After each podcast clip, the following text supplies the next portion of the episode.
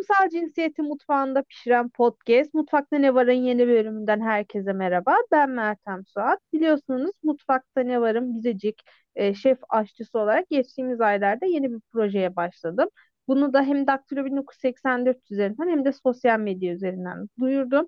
Devletin aile planlaması politikalarını izleme projesi konu bir e, proje yazdı ve bu proje kapsamında hem Türkiye'deki doğum kontrol yoksulluğu hakkında farkındalık yaratmak hem de bu yoksulluk konusunda bir çalışma yapmak için her ay düzenli olarak Daktilo 1984'te veri yayınlayacağız. Bu ve bu verileri gerekli kurum ve mercilere ulaştırarak doğum kontrol yoksulluğunu önüne geçmeyi çabalayacağız. Bu sebeple bugün e, bu konu alanında çalışan ve hepinizin sesinden aşina olduğu Mental Klitoris Podcast'inin yapımcısı ve sunucusu Hazal Sipahi ile birlikte hem doğum kontrol yoksulluğunun hem de jinekolojik şiddet ve benzeri kavramları pişireceğiz. Hazal hoş geldin mutfağımıza. Hoş bulduk Meltem. Nasılsın? Teşekkür ederim. Sen nasılsın? Ben de iyiyim. Çok teşekkür ederim davetin için. Biz teşekkür ederiz mutfağımıza geldiğin için. Hemen şunu sorarak başlamak istiyorum. Şimdi doğum kontrol yoksulluğu de aslında doğum kontrol araçlarına ulaşamamayı ve erişememeyi anlatan bir kavram. Son yıllarda tıpkı regli yoksulluğu gibi ortaya çıkan bir kavram. Şimdi doğum kontrol yoksulluğu tanımına baktığımızda yani bu de biraz da Türkiye Cumhuriyeti'nde devlet eliyle e, yapılan bir yoksulluk. Şu an e, Sağlık Bakanlığı bu araçları aile sağlığı merkezlerine temin etmediği için ortaya çıkan bir yoksulluk türü ve jinekolojik şiddet kavramına da baktığımızda orada da kavramın alt metinlerinden birinde diyor ki jinekolojik şiddet türlerinden biri üreme haklarına müdahaledir diyor. Sence şu an devletin yaptığı bu doğum kontrol yoksulluğu üreme haklarına müdahale tanımıyla jinekolojik şiddet içine giriyor mu? Yani orada çok böyle teorik bir tartışma mı yürütmek gerekir tam bilmiyorum ama benim aklıma jinekolojik şiddet dediğimde jinekolojik muayene esnasında yaşanan işte ya da öncesinde sonrasında hani orada e, işte hani jinekoloğa giden kişinin maruz kaldığı işte şey olabilir, psikolojik olabilir, işte laflarla olabilir, sözlü olabilir ya da işte fiziksel olabilir, spekülümün daha sert mesela sokulması e, kişinin içine ya da işte farklı farklı prosedürlere ihtiyacı olduğu söylenerek mesela işte aa sizin vulvanız güzel değil, işte sizin vulvanıza biz estetik ameliyat yapalım. diyerek yani aslında kendisiyle kötü alakalı kötü de hissettirerek bir ayıplama da yaparak, utandırma da yaparak işte aslında işte olması gerekmeyen bir prosedürü oldurup cebinden parasını da alıp ekonomik bir şiddet de uygulayabilir ama benim aklıma daha çok o jinekolojik muayene esnasında ve etrafında gerçekleşen şeyler geliyor. Yani illa bunu bu şiddet türünün faili doktor da olmayabilir, orada bulunan bir hemşire de olabilir. Bekleme salonundaki işte oradaki bir resepsiyon görevlisi de olabilir gibi gibi gibi. Yani benim aklıma o yüzden birazcık daha böyle jinekolojik şiddet dendiğinde o jinekolojik muayene kısmına gidiyor bu taraf.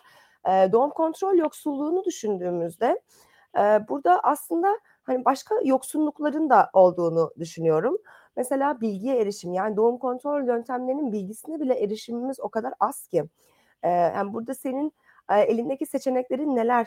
Hani bu seçeneklerden sen hangisini kullanmak isteyebilirsin? Hangisi sana uyar, uymaz? Hangisi senin hayat tarzına daha kullanması kolay? Yani sürekli her gün hap almak iyi unutabilir misin? Bir tane daha işte deri altı bir hani deri altı uygulamalar var. Deri altı uygulamalar senin için daha mı iyi olacak? Hormonlu mu, hormonsuz mu? İşte bilmem ne mi, bilmem ne mi? falan filan gibi yani bir sürü doğum kontrol yöntemi varken işte yani şey için konuşuyoruz rahimli kişiler için konuşuyorum şimdi bunlara herhangi bir şekilde erişimin engellenmesi aile merkez aile sağlığı merkezlerinde var deniyor ama aile sağlığı merkezlerinde bir süredir yok. Pandemide bunların temini çok sıkıntılı bir hale geldi. Uzun bir süredir aile sağlığı merkezlerinde ne rahim içi araç, işte ne hap, ne işte deri altı uygulamalar falan e, pek çoğunda yapılmıyor artık. Ondan sonrasında bunların giderek fiyat politikalarında da artışlar, daha fazla hormon veren doğum kontrol hapının daha ucuzken hormonların da yani senle aklınla bir şeyinle bedeninle kimyasalın kimyanla oynamayanların daha pahalı olması. Bir doğum kontrol yöntemi değil ama işte ertesi gün haplarının ertesi gün hapı bir doğum kontrol yöntemi değildir. Daha sonradan yapılan acil bir kontraseptiftir. Hani doğum kontrol şey e, yine bu e, ertesi gün haplarının bir zamanlar şöyleydi mesela e, ucuz bir hap vardı. O zamanın fiyatıyla söyleyeceğim. Şimdi bu fiyatlardan bahsetmiyoruz. 322 lira mı ne şu anda e, ertesi gün hapı olan. E, ama o zamanlarda piyasada bir tane hap vardı. E, bundan işte 10 sene önce diyeyim belki.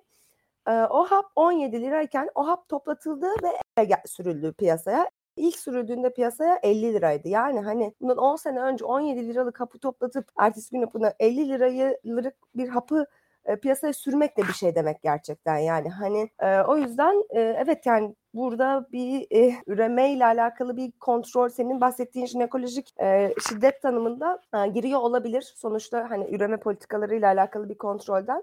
Ama aslında bizim cinsel sağlık hakkımızın gaspına işaret ediyor e, bence bu. E, hepsi bu bahsettiğimiz şey en şemsiye olarak. Evet yani çünkü şimdi jinekolojik şiddetin içinde bir tanım var. Mesela diyor ki jinekolojik sağlık hizmetlerine erişimin engellenmesi. Yani jinekolojik e, sağlık hakkında bilgi verilmemesi, aile planlaması hakkında bilgi verilmemesi de bu şiddet türünün içine giriyor diyor.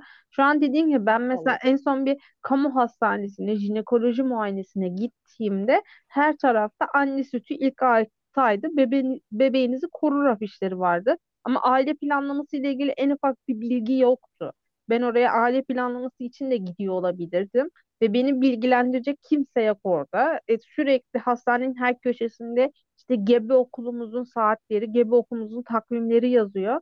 Ama kimse demiyor da yani bir yetkili de ya bakın aile planlaması okulumuz da var. Gelin hani çocuk yapacak imkanınız yoksa biz konu hakkında da bilgi veriyoruz diye. Sanki sürekli bir e, kuluçka makinasıymış gibi hani gebe kalın bakın çocuk yapmak ne kadar sevimli yürüyeceksiniz ya yapın çocuğunuzu işte diye bir şey var. Hani e, hap konusunda da sana katılıyorum. Mesela en basitinden e, iki tane piyasada e, hap var şu an. Birisi renkli geciktirici prim N diye geçiyor. Diğeri de e, ben 3 sene önce aldığımda fiyatı 10 liraydı ve ben arada e, gel özellikle bu seçim döneminde başka dönemlerde hani e, periyotumu geçirmek için bu hapı kullanıyordum. E, geçen gün eczaneye gidip fiyatını sordum. 72 lira olduğunu söyledi. Bu ilaç mesela reçete kapsamında değil. Ben zaten kullanmak çok tavsiye edilen bir şey değil. Hani bir iki gün kullanması tavsiye ediyor ama iki gün için 72 lira vermek de 3 sene içinde yani çok rahatsız ediyor. Aynı şekilde salın da fiyatı çok arttı. E, renkli düzensizliği olanlar bir süre sonra mesela atıyorum 50 gün regli olamayan kadınlar var ve bu kadınlar sal kullanmak zorunda kalıyor. Doğum kontrol hapına zaten erişemiyor. Ne doğum kontrol hapı alabiliyor ne sal alabiliyor. Yani bu kirli kan sürekli vücudumuzda dolaşıyor. Regli konusunda da bir bilgisizlik var Türkiye'de. E, şimdi hazır haplardan konu açılmışken e, sen kürtaj hapı kullanımı hakkında da e, bölüm yapmıştın. Kürtaj hapı kullanımının da nasıl olduğunu biliyorsun. E, Türkiye'de 2012 yılından bu yana kürtaj hapları piyasada bulunmuyor. Sağlık Bakanlığı kararıyla toplatıldı. Yani sen kürtaj hapı kullanımı hakkında ne düşünüyorsun? Bunu kullanmak aslında iyi bir şey mi ve bakanlık niye 2012'de bir anda bu hapları piyasadan kaldırdı? Yani e, nasıl bir kaldırma yaptı 2012'de onu tam hatırlamıyorum ama bildiğim kadarıyla zaten Türk Eczacılar Birliği'nin bir başvurusu var. Bir ülser e, mide ilacının içerisinde bu mizo bir maddeler var. Onlar onlardan bir tanesi var. Yani işte o düşüğü sağlayan, haplarla düşüğü sağlayan. Sanki o toplatıldı diye biliyorum. Yani zaten kürtaj hapı kullanımı Türkiye'de öyle çok yaygın bir de hiçbir zaman var olmamıştı. Yani başka bir hapı kürtaj hapı olarak kullanmak mı vardı. Yani onların e, bakanlıkla alakalı ilaç ne zaman vardı, ne oldu, nasıl toplatıldı o konulardan e, emin değilim. E, ama şöyle bir şey oluyor. Yani e, Türkiye'de bu bir seçenek olarak sunulmuyor. Bu dediğimiz şey var işte Eczacılar Birliği'nin toplattığı bir ülser hapı var. Onun dışında işte yani e, başka ülkelerde mesela Finlandiya'da kürtajların %90 artısı e, bu yolla yapılıyor. Yani düşük e, hapıyla işte düşük hapını kullandığında e, bir e, işte o rahmin ağzı genişliyor. Daha sonrasında yani işte o düşüğü yapıyor oluyorsun aslında. Yani haplarla e, kürtajı böylelikle kendi evinde bile eğer bir işte hastaneye, sağlık merkezine erişimin varsa acil bir durumda bu şekilde yapabiliyorsun. İşte telemedikali var. İşte telefonla arayarak asistanlık isteyebiliyorsun. Sana, sana rehberlik etmelerini isteyebiliyorsun. Doktor kontrolünde kullanımı var e, vesaire yani bun, bunlar çeşitli. Pek çok yerde aslında hani insanların birincil tercihi haline de gelmiş bir vaziyette haplarla kürtaj. Ve yani burada mesela bunun bilgisine de erişmemizi istemiyorlar. Bu yöntem nasıl bir yöntemdir, güvenli midir, hani nasıl yapılır, ne oluyordur işte bunun bilgisine dahi erişmemizi aslında istemiyorlar. Bu işte Women on Web diye bir e, Hollandalı bir doktorun başlattığı bir proje var. İlk bunlar bu proje içerisinde mesela işte şeyler de yapılıyor projenin ilk yıllarında. Kürtaj gemileriyle mesela İrlanda'nın oraya gidiyorlar. Şeyleri kürtaj olmak isteyen kadınları, haplarlı kürtaj olmak isteyen kadınları e, kıyıdan aldıktan sonra uluslararası suya çıkıyorlar. Uluslararası suda sulardayken işte kürtaj hapları kullanılıyor. Sonra tekrardan kadınları geri bırakıyorlar. Bunlar inanılmaz işte kürtaj karşıtı şey yani kürtajın o zamanlar yasak olduğu işte İrlanda'da e, inanılmaz protestolarla karşılaşıyorlar vesaire. Ve Women on Web'in bir sürü masası var. Farklı farklı ülkelerde özellikle işte e, güvenli kürtaja erişimin sıkıntılı olduğu ülkelerde ve işte Women on Web'in güvenlik kürtaja erişimi sıkıntılı olarak e, tanımladığı ülkelerden bir tanesi de Türkiye. Yani Türkiye masası da var. E, Türkiye'de e, Türkiye'ye de ilaç e, yolluyorlar. Kürtaj ilacı. E, ama şöyle bir şey oluyor. Women on Web'in Türkiye sayfası Türkiye'den erişimi kapatılıyor Women on Web'de. E, ardından e, bir e, haplarlakürtaj.org diye bir site kuruyordu, kurdular.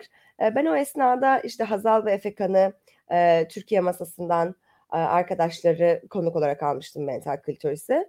O zaman konuşmuştuk. Orada mesela e, daha sonrasında hani bu e, web sitesine de erişemezseniz eğer hani bunun başına da bir şey gelirse hani güncel olan ne ben sizi güncelleyeceğim demiştim dinleyen kişilere de. E, bizim bölümümüzden sonra site trafiğini 7 kat arttığını ve ardından da o web sitesinin de kapatıldığını bili biliyoruz. Daha sonrasında farklı bir yani işte hani çok böyle daha böyle bir link kopyalayıp yapıştırdığında kısaltmak için kullandığın bir versiyon vardı ya onun gibi bir link üzerinden devam ediyorlar. ama pandemideyken de bu defa gümrük kurallarıyla alakalı bir şeyler değiştiği için önceden işte Hollanda'dan reçeteli gelen ilaç gümrükte herhangi bir sıkıntı yaşamadan ülkeye girebildiği için bu olabiliyordu. Pandemiyle beraber bazı düzenlemeler getirildi ve şu anda Women Web de Türkiye'ye e, ilaç yollayamıyor e, o, o şekilde. Yani ama e, işte ne bileyim bir arkadaşımız yurt dışına gidiyor bavul ticareti yaptırıyoruz belki neredeyse yani yarın öbür gün birine lazım olur o olur bu olur şu olur falan filan gibilerinden. Yurt dışında bunun temin edebileceğin yerlerden temin ederekten e, hala işte bir şekilde e, bu yönteme de erişmeye çalışan e, insanlar e, var. Yani ben şahsen e, herhalde yarın öbür gün gebe kalırsam haplarla haplarla kürtajımı yapmayı düşünürüm. E, bunu belgelemeyi düşünürüm. Yani bakalım hakikaten yani nasıl oluyor. E, yani böyle yani deneyimlemedim ama böyle bir inancım var yani e, güvenli bir yöntem olduğuna dair. Eğer öyleyse de bunu deneyimlediğimi de paylaşmak isterim mesela pek çok insanla yani öyle. Yani haplarla kürtajın e, ekşi sözlükteki başlığına bile Sağlık Bakanlığı ve Tıbbi İlaç Denetme Kurulu e, engelleme getirdi. Ona bile erişemiyorsunuz. Ben hani şu an en son haberlere göre e, kara borsa yüzünden taşabı satılıyor. Onların da şu anki fiyatı mevcut enflasyonla beraber en ucuz 3000 liraya kadar çıkmış. Onlar da kara borsa mesela yurt dışından getiriyorlar. Aynı senin dediğin gibi bavul ticareti yapıyorlar ve bunu e, kadınlara satıyorlar WhatsApp üzerinden. Ama şöyle bir şey var. Şimdi Türkiye'deki kadınlar zaten kürtaj konusunda bilgisiz. Sen buna ekstra bir hani insanları riske sokarak belki de o ilaç hani gerçekten kürtaj hapı değil bambaşka bir ilaç. Seni tutup hani buna sürüklüyor. Çünkü devletten bu konu hakkında bilgi alamıyorsun. Her yerden bu konu hakkında bilgileri kaldırıyor. Ya hastaneye gitsen sana yardımcı olacak kimse yok. E, mecbur hani diyorsun ki Rus ruleti gibi ya olacak ya olmayacak diyorsun. Türkiye'de şu an en ucuz kurs e, tabii. 10 bin lira. Şimdi şöyle düşün evli olmadan yanlışlıkla hamile kaldığını düşün ve ailenden bunu gizlemen gerektiğini 10 bin lira verecek paran olmayabilir. Yani diyorsun ki 3 bin liraya bu ilacı alayım kara borsacıdan gelirse gelir gelmezse gelmez diye. Hani o sebeple aslında büyük bir bilgi açlığı var Türkiye'de. Kadınlar aile planlamasını bilmiyor, erkekler bilmiyor. Tabii yani çok merdiven altı birinin e, getirdiği kürtaj hapını kullanmakla Women on Web'den aldığın, Women on Web'e istediğin zaman aradığında ulaşabileceğin işte e, o bir guidance'ını da aldığın bir rehberlik üzerinden aldığın kürtaj hapının e, kesinlikle e, fark, farklı olduğunu düşünüyorum.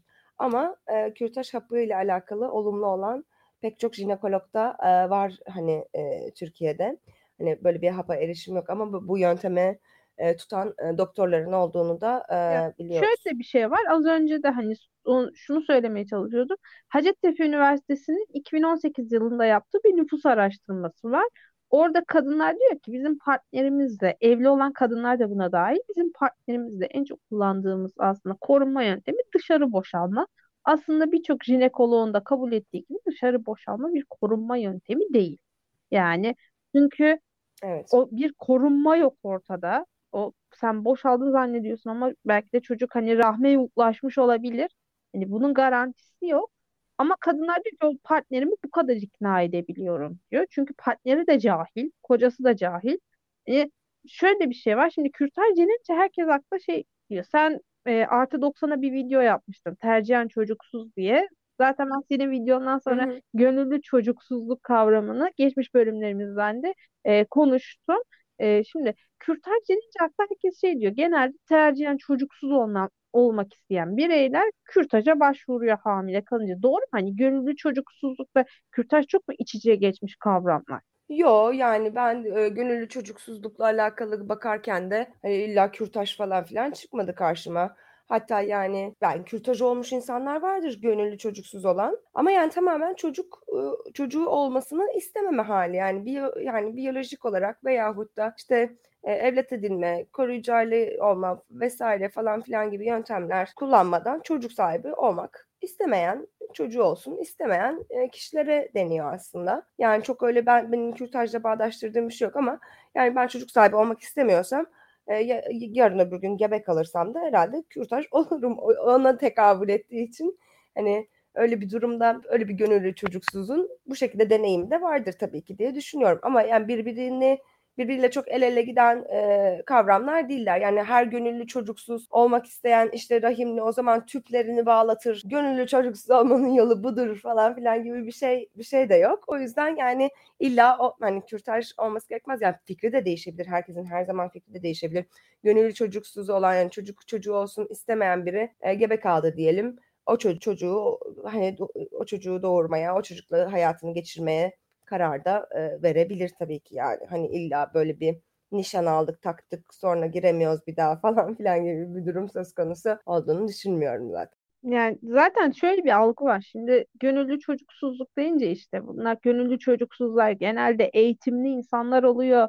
İşte belli bir sınıfa ait falan diyorlar da e, Tü- Türkiye İstatistik Kurumu geçtiğimiz günlerde 2022 yılının canlı doğum oranlarını açıkladı. Türkiye'nin en düşük canlı doğum oranı bu sene Zonguldak ve Kütahya'da oldu. Yani bu gönüllü çocuksuzluğu sadece belli bir sınıfa ait olan insanları görenler hani Zonguldaklıların tamamı o zaman aristokrat insanlar ve gönüllü çocuksuzluğa gönül vermiş insanlar mı oluyor? Yok. Belki de daha bilinçli insanlar. Mesela doğuda e, Türkiye'nin en bu arada yüksek o, doğum oranı Şanlıurfa'da. Her sene olduğu gibi Şanlıurfa bu sene de Süper Lig'de birinciliği elden bırakmıyor. Ama bir bakıyorsunuz en düşük illerinden biri Tunceli. E, Tuncelilerin tamamı gönüllü çocuksuzluğa hani gönül vermiş, yürekten adanmış insanlar değil, antinatalist insanlar da değil. Demek ki orada hani bir daha bilinçli insanlar yaşıyor. Ama hep şey diyorlar işte gönüllü çocuksuzluk birey, gönüllü çocuksuz bireyler işte hemen kürtaj olur. İşte onlar e, belli bir sınıfa ait zaten sadece okumuş etmiş insanlar bilir. Aile planlamasını biliyorlar, ediyorlar diye öyle bir şey. Yani aile planlamasını şu an Türkiye'de çok az insan biliyor. Çünkü devlet bu konuda bilgi vermiyor. Yani nothing. Devlete gidiyorsun diyorsun ki bana aile planlamasını öğret. Diyor ki devlet aa ne münasebet sen üç çocuk yap da git bakalım buradan diyor. E tabii çocuk sürekli yani işte kadına kadın olmanın yeterince iyi kadın olmanın gerekliliğiymiş gibi sunuluyor. E onun dışında sırada o oluyor. Kendini gerçekleştirmekle alakalı işte ne nedir işte hani kadına özellikle şey sunuluyor zaten pek çok kadına. Yani şey hani e, biz böyle üniversite okuduk bilmem ne falan filan ama her herkesin yoluna illa üniversite çıkmıyor mesela yani işte ama çıktığını söyleyelim ya da olmadığını düşünelim. İşte okulun biter ondan sonra aile kurarsın değil mi? Yani bu bu söyleniyor yani hayattaki sırada olan şey o. Kendini gerçekleştirmenin yolu evlenmek ve çocuk yapmak o falan filan yani böyle bir hani hayattan alabileceğin en yüksek tatmini zaten işte çocuk e, yapmak olarak koyan bir toplumda toplumdayız da ve sırada o da oluyor. E, o olmayınca kadınlar özellikle yeterince kadın e, görünmüyor falan filan yani hani e, bir insanın bunun dışında başka seçenekleri olduğunu e, bilmeden e, böyle böyle bir şey düşünmesi hayır ben bunu istemiyorum. E hani ne hani insanın bir şeyi bu kadar veriliyken ona yerine sanki bir şey koyması da gerekiyor ki hani hakikaten hani e, e, hayatım öyle akmayacaksa ben nasıl bir hani akış istiyorum mu cevabını verebilsin diye de düşünüyorum ve bu soruları sormak onun yerine farklı şeyler koymak bunun üstüne düşünmek e, evet bir ayrıcalık e, olabilir yani olabilir. Şöyle Türkiye'de doğum ona da değineceğim ben. E, doğum kontrol konusunda ciddi bir bilgisizlik var. Hani çünkü doğum kontrol deyince akla herkesin aklına şey geliyor. Hamile kalmamak. Ya şöyle bir şey var. Şimdi sen, devlet bana doğum kontrol hapını vermiyor. Ben devletten bunu istiyorum. Neden? Çünkü benim rahmimde tembellik var ve düzenli olarak yumurtlayamıyorum. Bu benim çocuk sahibi olma e, şansımı azaltıyor çocuk sahibi olabilmem için düzenli olarak doğum kontrol hapı kullanmam gerekiyor. Bu yüzden hastaneye gidiyorum. Do jinekolog da aynı şeyi söylüyor ama jinekolog diyor ki sana doğum kontrol hapı veremem. E şimdi devlet diyor ki bana senin üç çocuk yapman lazım. Ama benim yumurtlayamıyorum yani sorunum var. Bu hapı almam lazım. Devlet diyor ki hapı nasıl aldın beni hiç ilgilendirmez. Yumurtlayacaksın kardeşim. Tamam bana ilacı ver ben zaten yumurtlayacağım ama şu an sen bana ilacı vermiyorsun hem de beni zorla üç çocuğa teşvik ediyorsun. Yani doğum kontrol aslında sadece plansız gebelikler için ya da sürekli gebe kalmamak için değil, adet düzensizliği yaşayanlar var. Ee, bunun dışında sivilce problemi, rahminde kist olan kadınlar var. Rahim kisti çok hani yaygın bir şey kadınlarda. E, HPV riski var. Kondom HPV riskini inanılmaz düşürüyor. Sadece HPV riskinde bel soğukluğunu düşürüyor. Ya kadınlarda vajinal mantar çok yaygın bir hastalık. Bunu bir erkeğe bulaştırma imkanı korunmasız ilişkide daha fazla. E sen devlet olarak diyorsun ki sana ne kondom veriyorum, ne hap veriyorum, ne iğne veriyorum. Nasıl çocuk yapıyorsan yap. Beni hiç ilgilendirmez. İşte Ama çocuk yap. Sadece... Eğer cinsel yolla aktarılan bir e, enfeksiyonun olursa seni utandırayım, ayıplayayım. Orada da seni yalnız bırakayım. İşte sen böyle fabrika gibi pata pata pata pata pata pata pata işte çocuk yap. Yani bunu her zaman her yerinde görüyoruz zaten. Yani hani hep böyle oldu. En az 3 üç, üçtü bunun söylemi. Yani işte e, Cumhurbaşkanı hiç hani şey yapmadan e, hiç gerçekten utanmadan diyeceğim hiç utanmadan bir tane kadın işte doktorasını yapan bir kadına senin ne işin var ya işte doktorayla falan filan evde çocuk yap işte çocuk yap çocuk yaptın mı bilmem ne falan filan sahneden ödül verirken eşine falan bunları söyleyebiliyor. Yani ondan sonra işte bakın diyor Kürtler diyor bir sürü yapıyor nasıl yet yani korkunç korkunç şeyler de söyleyebiliyor yani hani ee, yani işte kadınları da sahiplendirecekler zaten. E, hakikaten öyle işte dam, damızlık gibi bir şeyiz yani işte bu e, nüfus politikalarının bu muhafazakar politikacıların gözünde zaten. Evet, yani sahiplendirme konusuna da katılıyorum. Zaten kadınları e, pet shop'tan almayın artık. E, barınaktan alın ki daha iyi sahiplenebilelim. Sokaklar sahipsiz kadınlarla dolu. Yani bir satın alma, sahiplen mantığıyla kadını, bekar kadınları sahiplendireceğiz. E, 28 yaşındayım. İyi bir Scottish olduğumu düşünüyorum. Gelip beni sahiplenmek isteyen varsa sahiplensin. Yani cinsim uysal, e, büyümeyen ırktanım ben. Sahiplenmek isteyen aşılarım da tam bu arada. Kısırlaştırılmadım. Daha iyi. Zaten sahiplenmek isteyen de buna göre sahiplenir. Varsa talip yani işte böyle sen konuşunca mesela aslında bu hayvanlarla kurulan sahiplik ilişkisinin de ne kadar bok olduğu benim aklımdan geçen şey oluyor. Ne kadar aslında işte e, hiç hayvan dostu olmayan bir yerden de bunu hayvanlara yapıyoruz gibi bir şey. Yani ne hayvanlar ne insanlar hiçbiri bu muameleyi hak etmiyor diye düşünüyorum ben. Şu an zaten 82 Anayasasına göre, mevcut 82 Anayasasına göre Türkiye Cumhuriyeti Devleti bunu çoğu kadın bilmiyor, çoğu insan da bilmiyor ama Türkiye Cumhuriyeti Devleti diyor ki ki 82'de girmiş bu yasa yürürlüğe. O zamandan beri kimse nüfus planlaması kanununa dokunmamış. Kanuna göre devlet diyor ki eğer diyor paranız yoksa ben size doğum kontrol aracını tabii ki de sağlarım. Benim bunun bunu sağlamakla ilgili bir yükümlülüğüm var diyor. Elimizde yazılı teminat var. E ben bunu göstererek bir aile sağlığı merkezine gidiyorum ve aile sağlığı merkezi bana diyor ki aa biz öyle bir şey mi yapıyormuşuz diyor. Yani o kadar bilgisiz insanlar ki ve gerçekten hani bizi yakında sokaktan e, sokaktan yakalayıp kulağımızı mandallayacaklar herhalde. Sahipsiz ya bu. Hani gidelim de bunu üretelim gibi. Damızlık kızın öyküsünde olduğu gibi sürekli ürememizi istiyorlar. En az üç çocuk işte anneliği reddeden kadın eksiktir, yarımdır. Ama bir bakın yani Doğu Anadolu'ya bir gidin. Orada doğu, şu an doğurma yaşı 17'ye düşmüş durumda. Yani tamam biyolojik olarak Türkiye istati şeyde Dünya Sağlık Örgütü de e, doğurgan çağı 15-49'dan başlatıyor ama 15 yaş Türkiye Cumhuriyeti Anayasası'na göre çocuk olarak görülüyor. E, sen Türkiye İstatistik Kurumu e, Hazal bir veri yayınlıyor. Tamam bunu o tanıma göre yayınlıyor ama bu canlı doğum oranı diyor. Hı hı, evet hı. 15-49 yaş arası doğurgan çağdaki kadınlar baz alınarak. Ama bir başka maddede diyorsun ki 18 yaşında altındaki herkes çocuktur. E sen demek ki çocukların doğurmasına ses çıkarmıyorsun. Ha çocuğu sahiplendirmişsin sokaktan. Ha beni sahiplendirmişsin. Fark yapmaz. Hani doğuruyor mu? Doğuruyor. Civciv çıkartıyor mu? Çıkartıyor kardeşim. Alın bunu diye. E işte ergenliğe yani girince, regl olunca sen artık evet. o, o doğum fabrikasına adamızla dönüşüyor oluyorsun evet. yani. Devletin nezdinde de, insanların nezdinde zaten oluyorsun da işte e, artık memelerin çıkıyor, tehlikeli oluyorsun. Çocukluktan çıkmış oluyorsun falan. Evet. Falan. Ya bu da yani ergenlikteki çoğu genç kız jinekoloji muayenesine gitmekten korkuyor. Çünkü jinekol bazı jinekologlarda orta çağdan kalma bir şekilde alttan muayene yapılıyor ki bu çok aşağılayıcı bir şey. Çünkü Neden aşağılayıcı bir şey? E, şöyle e, orada ka, e, bildiğim kadarıyla muayeneye girmeden önce sana bir feragatname imzalıyorlar. Ben muayeneyi kabul ediyorum diye. Çünkü e, bekarete zarar verileceği korkusu var. Zaten hemşire de bunu soruyor. Kesin ve net bir şekilde kabul ediyor musun diye.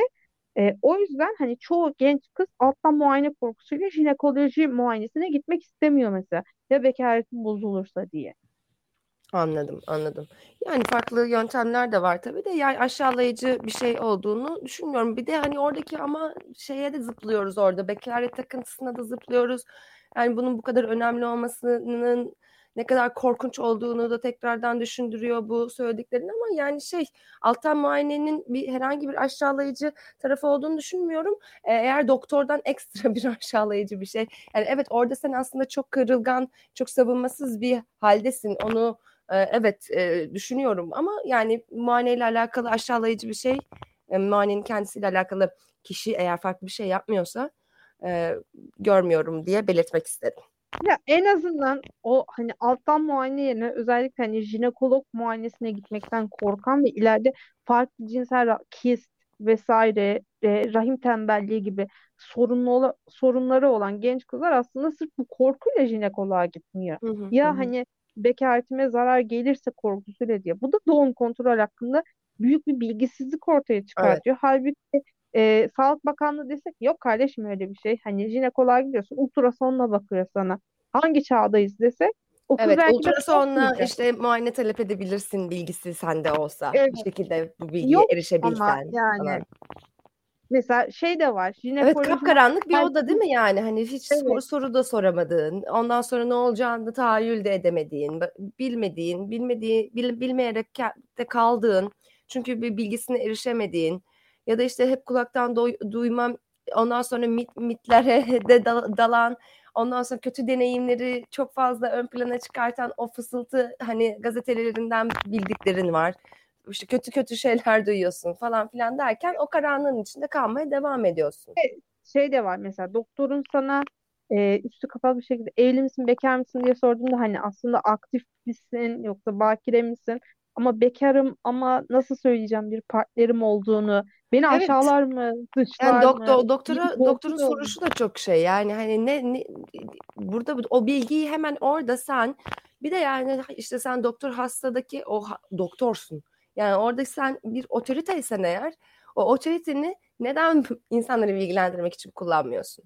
Mesela sorabilirsin işte karın üstü mü yoksa işte e, genitalinizden işte iç, içeri girerek mi muayene edelim? Bunu neden soruyorum? E, çünkü kimileri bunu tercih ediyor işte e, bakire oldukları için. Kimileri ter, bakire olsalar da böyle ter. Yani bir şey bir şey yani bunun çok kısa bir şekilde aktarılacak.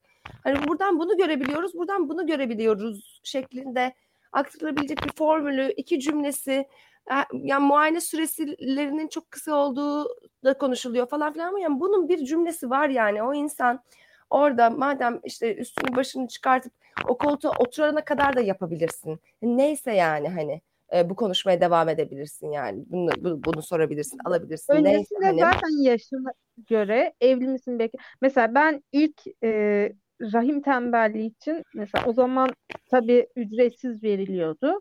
E, aile sağlığı merkezine gitmiştim ve düzensiz olarak reglo oluyordum. E, aile hekimin bana demişti ki evli misin? Dedim ki hayır ve 18 yaşın üstünde olarak gittim. Dedi ki tamam o zaman bu hapın nasıl kullanıldığını sana anlatmama gerek yok. Hani bu farklı amaçlarla da kullanılıyor dedi. E, tamam da yani evli olmayan her kadın farklı amaçlarla kullanamıyor mu? Anlatmama gerek yok kafana göre alsan da olur dedi. Dedim peki evli olsam ne olacak? O zaman dedi hani mesela belli günde başlaman lazım. Çünkü korunma da istiyorsun demekti. Hani bekarsan korunmana gerek yok kardeşim. Hadi git buradan tarzında bir ifade var. Yani o da kadını korkutuyor. Şimdi evli misin, bekar mısın? Hani bu şey demek. Bekarım ama nasıl söyleyeceğim e, aile hekimi ya da jinekoloğa aktif bir partnerim var benim. Acaba beni dışlar mı ya da arkamdan başka bir şey der mi? Doktor sonuçta. Ayrıca yani gerçekten doğru mu bu sorular? Yani işte ben mesela bekarım. E o zaman karından muayene yapmaya karar veriyor bana. Ama yani ben işte genitalini kullanan bir bekarım diyeyim yani işte partnerleriyle neyse. E yani oradan e, sağlık olarak oradan alabil mesela sallıyorum işte karın üstü muayene yapıyor ama benim bir işte koku geliyor mesela diyelim bir enfeksiyonum var. O kokudan belki kültür testi yapması gerekecek ama bana bekar mıyım diye sordu. Bekarım dedim. alamıyor o kokuyu, bilemiyor. Tı tı tı tı tı tı. Yani işte bakamıyoruz. Ben o işte şeyle enfeksiyonla kalıyorum. Belki daha fenasına ev eviriyor o. Bilmem ne cart curt yani hani doğru bir şey değil ki zaten. Doğru bir soru değil. Yani öğrenmek istediğine giden e, ve e, oradaki işte kişinin sağlığıyla alakalı e, cevap veren e, yere giden bir soru değil zaten bu yani. Ayrıca yani şeye de sığmıyor. Yani yeminlerine de doktorluk şey Hipokrat yeminine de sığan bir soru değil yani hani. Bu. Bekarsan bu hapı zaten kullanmana gerek yok. De, yani bekarım diyorum. Çocuk yapmayı düşünüyor musun diyor. Yani diyorum şu an karar vermiyorum. Neyse o zaman ya diyor zaten elimizde bu ilaç yok. Yani sence git bir tane hapı kullansan da olur. Ben zaten sana ilaç veremiyorum diye. Ama peki son olarak doğum kontrol neden önemli ve devlet gerçekten hani buna müdahale etme hakkı var mı sence? Onu sorayım sana. Yani doğum kontrolü neden önemli? Çünkü ki, yani kişinin hayatının otonom olmasıyla alakalı bir kere çok önemli. Yani senin hayatına dair kararları kendin verebilmenle alakalı kesinlikle e, çok çok e, önemli olduğunu düşünüyorum. Yani ben e, iki kere kürtaj oldum mesela yani ve ikisinde de hani bir şey benim bir hayatım uzanıyor ve hani bir şeyin çıkması gerekiyor hayatımdan. Yani böyle bir şey yani yoksa ben o hayatıma devam edemeyecek bir noktadayım. İşte eğitimim var bir şeyim var. Öyle bir hayat hayal etmiyorum öyle bir şey istemiyorum ve yani hayatının kontrolünün sende olmasıyla alakalı bir şey doğum kontrol aslında.